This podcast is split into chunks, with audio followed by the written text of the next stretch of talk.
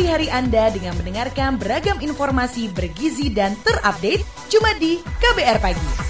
Pastinya sama Anan Prananca dan juga Ada Don Brady sampai ke jam 9 nanti. Nah, ngomongin 25 April ini ada peringatan tentang Hari Malaria Sedunia ya. malaria ini sama kayak kangen loh, Pak. Kok gitu? Gejala-gejalanya Emang kayak gimana? Iya kan eh, demam, Oh, demam. gelisah, Oh, terus oke. juga nggak nafsu makan, nggak nafsu ini. Jadi ada pelesetan yang bilang malaria itu jadi malarindu. Hmm. Indonesia menjadi salah satu di negara di Asia Tenggara yang masih sering diterpa kasus malaria, Hmm. Betul. terutama di kawasan Indonesia bagian timur. Papua Nah. itu menjadi tempat pertama di Indonesia yang paling Ya. banyak Mm-mm, eh, apalagi- malarianya. Nah, tapi Pak, ini banyak Eh. sekali stereotip mengenai orang-orang yang malaria.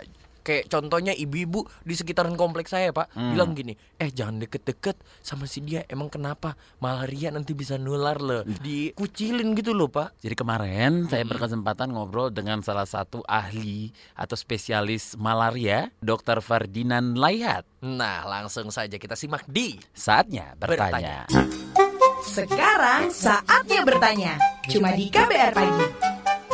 Kalau sudah pernah kena malaria, Anda jadi kebal dan gak usah takut kena lagi. Iya, jadi sebenarnya kalau soal kekebalan itu kan, itu namanya kekebalan yang didapat biasanya. Kekebalan yang didapat itu diperoleh kalau dia lama tinggal di daerah malaria, cukup lama waktunya. Kalau cuma sebentar saja kena malaria, itu tidak menimbulkan kekebalan apa-apa. Kalau udah pernah kena mala- malaria, nggak pernah bisa donor darah.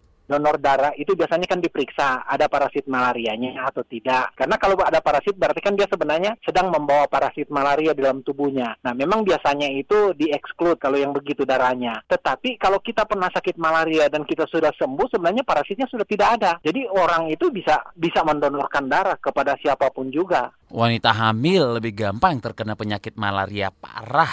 Nah, kalau ini memang ada benarnya. Kenapa? Karena satu kehamilan itu menimbulkan imunitas di dalam tubuh karena kehamilannya. Imunitasnya itu menurun. Jadi kalau dia kena sakit malaria, biasanya akan lebih berat daripada ibu hamil yang biasa. Itu memang sudah di- dibuktikan di banyak wilayah, Pak.